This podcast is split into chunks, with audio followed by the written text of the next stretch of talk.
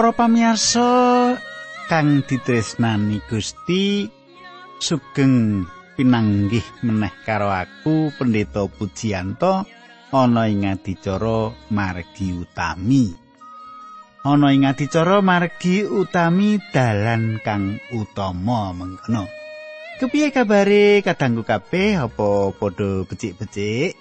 Ya pantung aku panjen mengkono panjenengan tansah pinayungono dening Gusti Allah murah rejeki murah sandang pangan lan bagas waras. Mangkono ya. Ayo nyerak karo aku kini. Ya kita bakal dahar sesarengan roti kaswagan. Hangga kilit analiti pangandikani Gusti saiki tekan Injil Matius sugeng midhangetake adicara iki.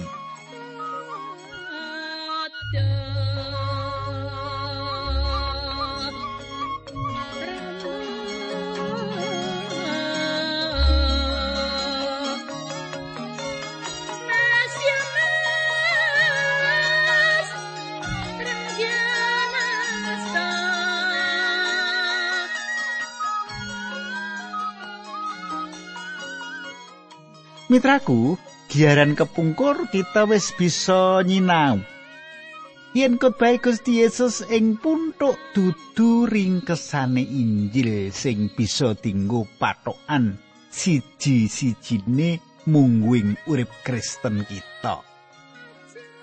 Panjen saben ayat sing wis kita gilut-gilut khotbah ing puntuk iki ngemunges sing jero ing tanteping ati kita. Jalaran. Gampang kanggo nindakake ing urip bebrayan. Agung iki gampang ditindakake ing bebrayan agung iki aku bakal nerusake nanging sadurunge kuwi monggo kita ndedonga dhisik. Gusti Allah ingkang kawula sembah wonten ing asmanipun Gusti kawula Yesus Kristus Kawula ngaturaken gunging panuwun menawi ing wanci menika kawula saged tetunggilan kalian sederek kawula ingkang setya tuhu midhangetaken adicara menika. Kawula saestu bingah Gusti dene kawula menika kaparingan hak ingkang mirunggan kangge mirengaken pangandikan paduka. Dinambaran asmanipun Gusti kawula nyuwun tuntunanipun paduka. Haleluya. Amin.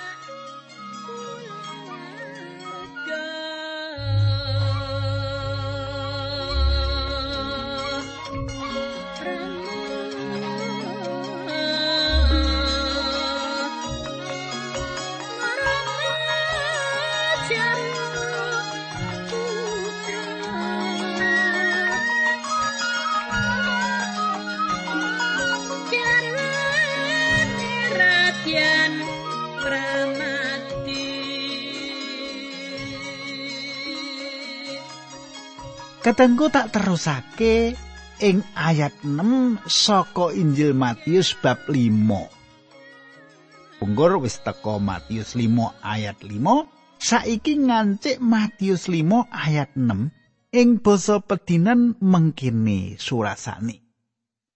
Bejo wong sing kepingin banget nglakoni kersane Gusti Allah, awit Gusti Allah bakal gawe mareming atine. Katangku. Kepriye mungguing urip wong sing isih duweni sifat kedagingan. Kepriye patrape uripe wong sing isih duwe sifat kedagingan. Apa ya duwe rasa ngorong marang tumindak bener? Tumindak manut kersane Allah. Wong sing isih duwe sifat kedagingan nek basa Indonesia duniawi. Ora bakal dheweke pracaya marang panguasane Roh Suci ing atine. Sebab bab iku diarani bodho. Bab iku diarani dudu kawicaksanan, dudu bab sing perlu digegulang, dudu bab sing perlu disinau. Kanggone kita, Gusti Yesus iku etu ing kawicaksanan. Gusti Yesus iku etu ing kawicaksanan. Ing siji Korintus siji ayat telung puluh ngendikake mangkene. Nanging Gusti Allah wis nunggilake kowe karo Sang Kristus Yesus lan Gusti Allah wis nemtokake Sang Kristus dadi kawicaksanan kita. Lantaran Sang Kristus kita padha karukunake karo Gusti Allah, mergo Sang Kristus kita padha dadi umate Gusti Allah kang suci. Kita wis dimerdikake. Saiki terus ke ayat pitu ing Injil Matius 5. Bejo, wong sing seneng melasi wong liya, awit bakal diwelasi dening Gusti Allah. Kadangku rasa welas asih iki dudu rasa sing kita duweni. Nanging kewalasan sing pinangkane saka welas asing Allah marang jagat. Welas asih iki dudu rasa sing dadi darbe kita. Nanging kawelasan ning pangandikan iki pinangkane saka welas asing Allah marang jagat Mula senajan urip sing luber ing dosa lan pepeteng. Welas sing Allah sing tan kinaya ngapa tetep maringi dalan kanggo kawilujengan kita. Welas asih marga sih rahmat dudu kawicaksanan. Saiki ayo buka Titus telu ayat 5 Titus telu ayat 5 panjenengane milu jengake kita ora merga penggawe becik sing kita tindakake nanging merga saka sih rahmate piyambak kita padha dikumbah merga saka nggon kita kakumbah mau kita nuli kelairake maneh dening Sang Roh Suci lan kaparingan urip anyar. Nah, ngono ya. Titus telu ayat 5. Saiki Matius 5 ayat 8. Bejo wong sing resik atine awit bakal wanuh marang Gusti Allah. Katangku ora ana siji wae wong jujur sing wani kandha yen atine suci. Banjur kepriye carane supaya atine menungso sing kebak dosa lan kasekengan bisa dadi resik. Nah, kepiye ngendikane Gusti Yesus? Bab iki, masalah iki. Yohanes 5 ayat 3. Kowe kuwi wis padha diresiki srana piwulang-piwulang sing ndak wenehake marang kuwi. Siji Yohanes siji ayat pitu nanging yen kita ana ing pepadang kaya dene panjenengane ya ana ing pepadang dadi nggon kita padha tetunggilan kuwi nyata lan rai Gusti Yesus sang putra nglebur saka ing dosa kita. Saiki balik Matius 5 ayat 9 bejo wong sing padha seneng ngrukunake awit bakal disebut para putrane Gusti Allah. Nek basa standar rahayu wong sing demen ngrukunake. Kadangku apa panjenengan wis tau pirsa sapa to juru bedami ing donya iki? Ing dinane iki ora ana siji wae sing bisa dadi juru bedami sing kansil kanthi becik. Juru perdamaian. Ora ana sak jagat iki sing iso marake dadi juru pedami. Wong sing dadi juru pedami ora ana mung panjenengane Sang Kristus sing dadi juru pedami sing bisa gawe rukun kanthi sampurna. Ngrukunake manungsa lan manungsa lan ngrukunake Allah lan manungsa sing kabuntel dosa ing pangorbanane rai Allah pribadi. Coba panjenengan waos Rom 5 ayat 1 saiki sarene kita wis dirukunake karo Gusti Allah merga percaya urip kita padha tentrem ana ing astane Gusti Allah lantaran Yesus Kristus Gusti kita. Matius 5 ayat 10 Bejo wong sing disia-sia merga nglakoni kersane Gusti Allah. Awit wong sing mengkono kuwi sing dadi umat ana ing kratone Allah. Kadangku ngucap tembung kabejan sing tegese bisa uga kabagian iku ora angel. Bisa uga kita ngrasakake kabejan nanging rasa nyenengake kabejan iku mung sawetara wae. Ora langgeng. Kebagian ora bisa dicampur karo kadurakan. Endi ana bagiane donya iki sing ora ana kadurakan? Endi?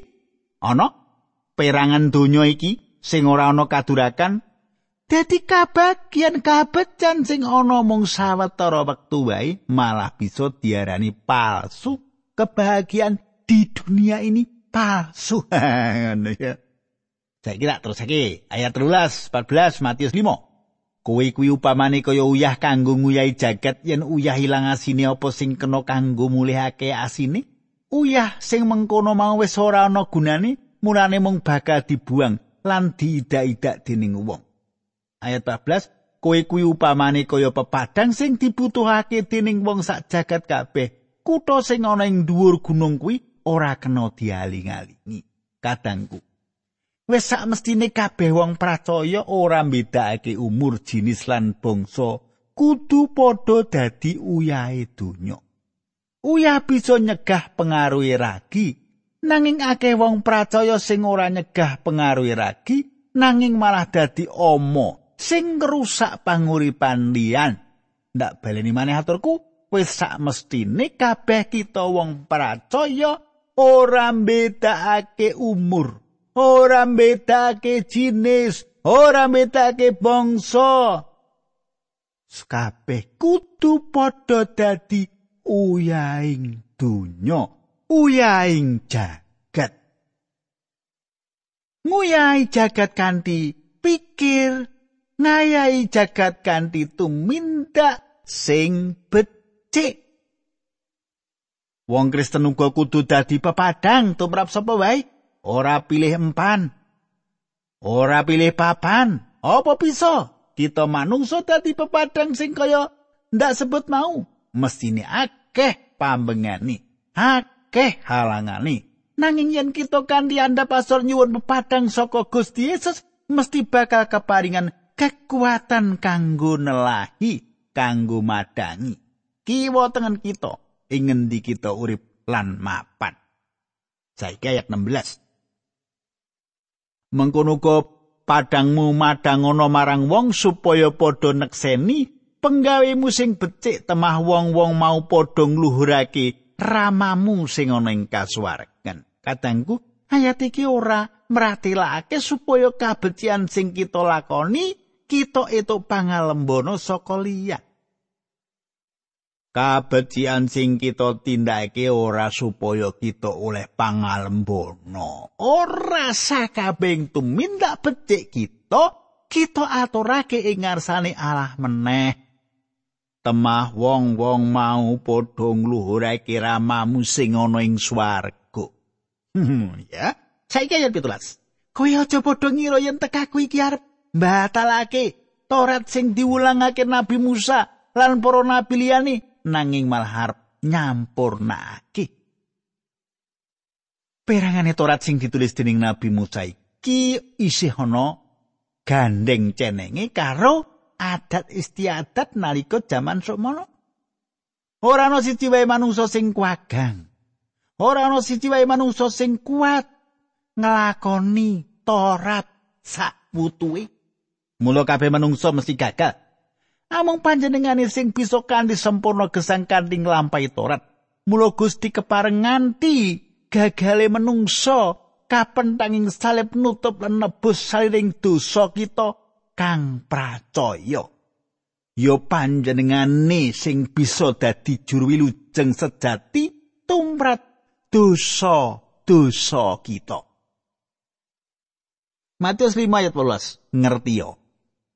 selawase siono langit lan bumi toret mau ora bakal batal senajan mung titik utawa saaksara wae katanggu upamane kita urip ing jamane torat yen kita pancen kepingin urip cedhak karo panjenengane Gusti Allah mesti ora bakal gampang nglanggar hukume torat nanging torat dadi paugeran kanthi ukuran Allah kanthi standar Allah Dadi ora ana sing bisa nglakoni ukuran standar sing wis kapatok.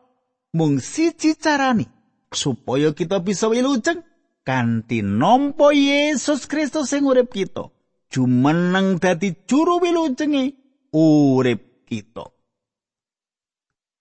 ayat 19 Mulane sing sapa nerak salah sawijining angger-angger mau senajan sing katone cilik dhewe lan mulangake marang wong-wong liya nglakoni mengkono iku bakal oleh papan sing asor dhewe ana ing kratoning Allah.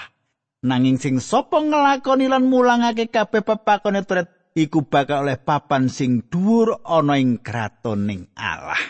Katengku panjenengan ora bisa urip tanpa nglakoni paugeran Torat lan ora kena paukuman sing wis sumadya saka Allah. Ora bisa. Kita kudu urip ing aturan mau. Nanging resiko kita mesti gagal.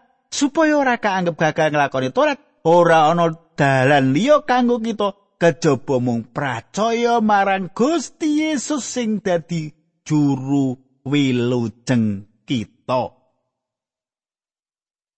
Matius 5:20 nganti 13 ya. Matius 5:20 nganti 13. Mulane iling-ilingen kowe ora bakal kapitung dadi umat ana ing kratone Allah yen olehmu nglakoni angger-anggeri Torat ora luwih sempurna ketimbang karo sing ditindakake dening para ahli Torat lan para wong Farisi. Kowe padha ngerti yen leluhur kita diulang mengkene. Kowe aja mateni wong sing sapa mateni wong kudu diadili. Nanging saiki kowe ndak kanani sing sapa nepsoni sedulure kudu diadili. Lan sing sapa misuwe sedulure ya kudu diadili dening pradataning agama. Lan sing sapa ngunekake sedulure goblok, wong kuwi kudu dicemplungake ing geninin neraka. Mulane yen kowe pinuju nyaosake pisungmu marang Gusti Allah mongko kowe kelingan ana sedulurmu sing lara atine karo kowe. Sidat semanten?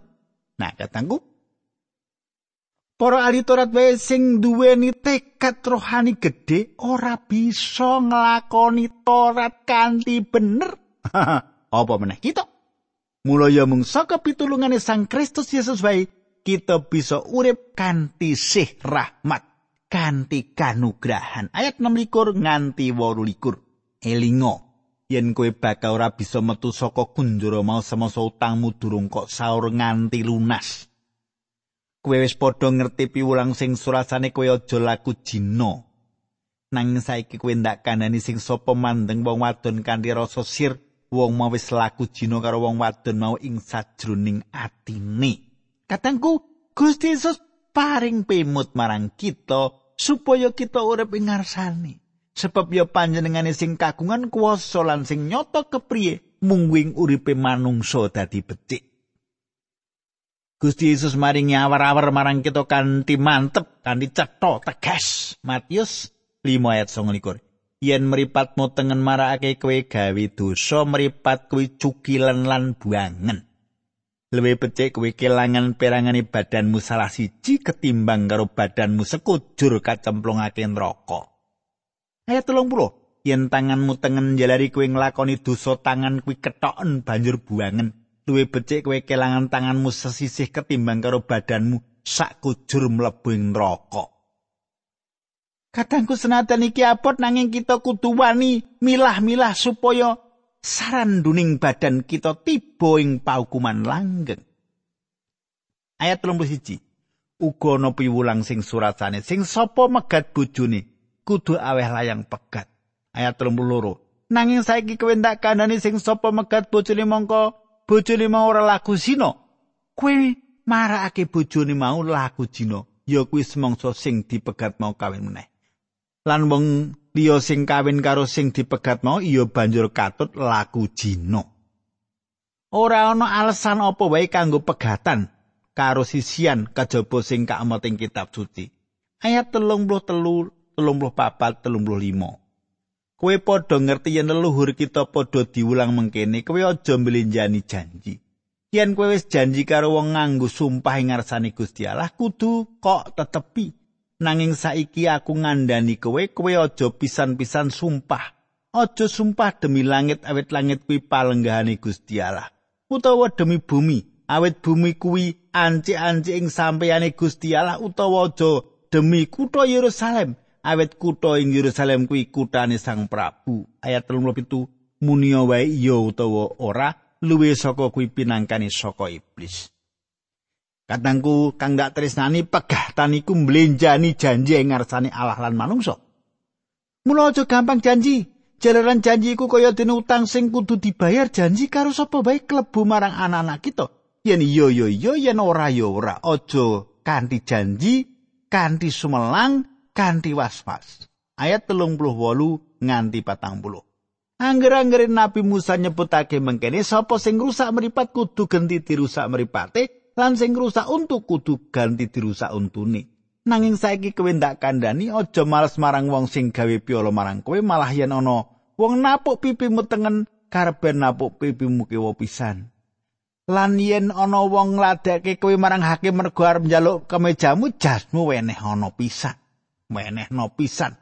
Katangku aja males tumindak Allah nganggo piolo nanging Allah kudu diwales kabecikan. Dadi wis ora ana meneh rasa ngigit-igit siji lan sijine, kabeh kebak katresnan, kabeh kebak paseduluran. Kabeh piulangan diluhung iki minangka bukti saepo luhure urip ing kapitayan kita marang Gusti Yesus. Kabeh nuju marang kautamaning urip ing donya lan ing swarga. Sabanjure Gusti Yesus ngendika Matius 5 patang puluh telu nganti patang puluh wolu. Wah, dawa banget tak wacake supaya panjenengan gatehake sing tenanan.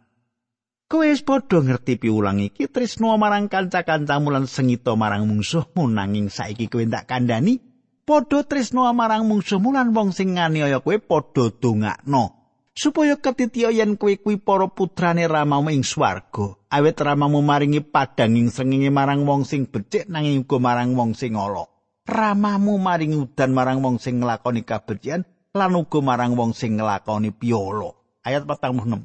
Awit yen kowe mung tresnani marang wong sing tresno marang kowe, apa perlune Gusti Allah males penggaweane kuwi? Apa wong sing karem bondo uga ora tumindak mengkono? Lan yen kowe awes salam mung marang kanca-kancamu wae kaluwihamu apa? Wong sing ora wanuh marang Gusti Allah rak iya padha tumindak mengkono to? Mulane kowe kudu padha sempurna kaya ramamu ing swarga ya sempurna. Kadangku ndak aja panjenengan kaberkahan awit apa sing ndak andharake iki. Ayo kita ndedonga. Kanjeng Rama ing swarga kawula ngaturaken kuing panuwun menawi wekdal menika kawula saged tetunggilan kalian sedherek-sedherek kawula. Kawula ndongaaken sedaya sedherek kawula ingkang mirengaken adicara menika supados paduka berkahi. Dinambaran asmanipun Gusti Yesus Kristus kawula ndedonga. Haleluya. Amin.